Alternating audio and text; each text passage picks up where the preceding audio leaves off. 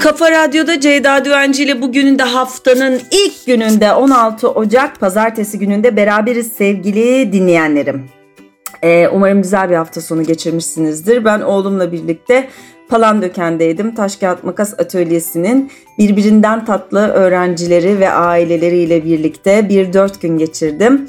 Gerçekten orada çok heyecan verici günler yaşanıyor. Aileler de şaşırıyor kalıyor ama e, galiba Türk e, kar tatili tarihinde bir ilk oluyor. Gerçek bir kar tatili kampı organize ediyoruz. Sabah 9'da çocuklarımızı teslim alıyoruz ve 5'e kadar sabah kahvaltıları, öğle yemekleri, ara atıştırmaları, işte atölye programları ve yanında da kayak dersleriyle iki tam gün ve bir yarım gün geçiriyorlar.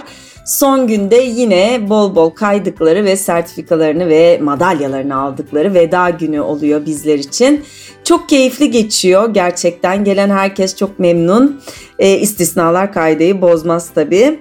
E, o yüzden bu hafta böyle benim için dolu dolu e, başladı hafta sonu itibariyle. Hafta içi de bir o kadar hızlı ve yoğun geçecek.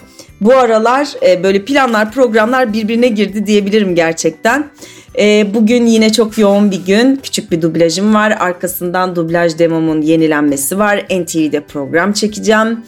E, ertesi gün e, yakın bir zamanda sinemada vizyona girecek olan kadınlara mahsus filmimiz e, var. E, onun afiş çekimi olacak. Çarşamba günü çok özel ve güzel bir dergi için bir fotoğraf çekimi yapacağım. Böyle heyecanlı heyecanlı heyecanlı gidiyor. Perşembe günü büyük bir ihtimal güzel bir söyleşi için İstanbul dışına gideceğim. Onun için heyecanlıyım.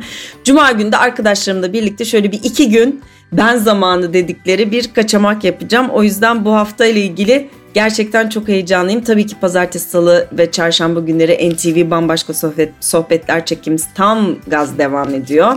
Olabildiğince stoklu çalışmaya çalışıyoruz. Malum hani salgınlar var, hastalıklar var konuklarımız istedikleri zaman gelemiyor. O yüzden gelebildikleri an çekebiliyor olmak yanımıza kar kalıyor diye düşünüyorum. Bakalım takvim yapraklarında e, bugünün tarihinde bizler için neler gizli? Haşeratın gizlenmesi zamanıymış doğada. Büyük Saatli Marif takvimi böyle söylüyor. Ve Waterman'in bir sözüyle karşılaşıyoruz. Değişim bir şeyleri riske atmaktır. Bu bizi güvensiz kılar. Değişmemek en büyük risktir. Ancak nadiren böyle algılanır diyor. Değişim. Ben değişime çok adapte olabilen bir yapıya sahip değilmişim. Süreçte biraz onu anlıyorum yaş aldıkça. Ee, ben galiba alışkanlıklarıma ve hani ritüellerime çok bağlıyım. Hatta galiba bağımlıyım biraz böyle zorlanıyorum yani bir şeyler değiştiğinde hayat düzeninin içinde ve uyumlanmakla ilgili çok ciddi bir e, problemim oluyor maalesef her insanın bir kusuru var benim de e, ritüel bozulmasına karşı bir uyumlanamama problemim var.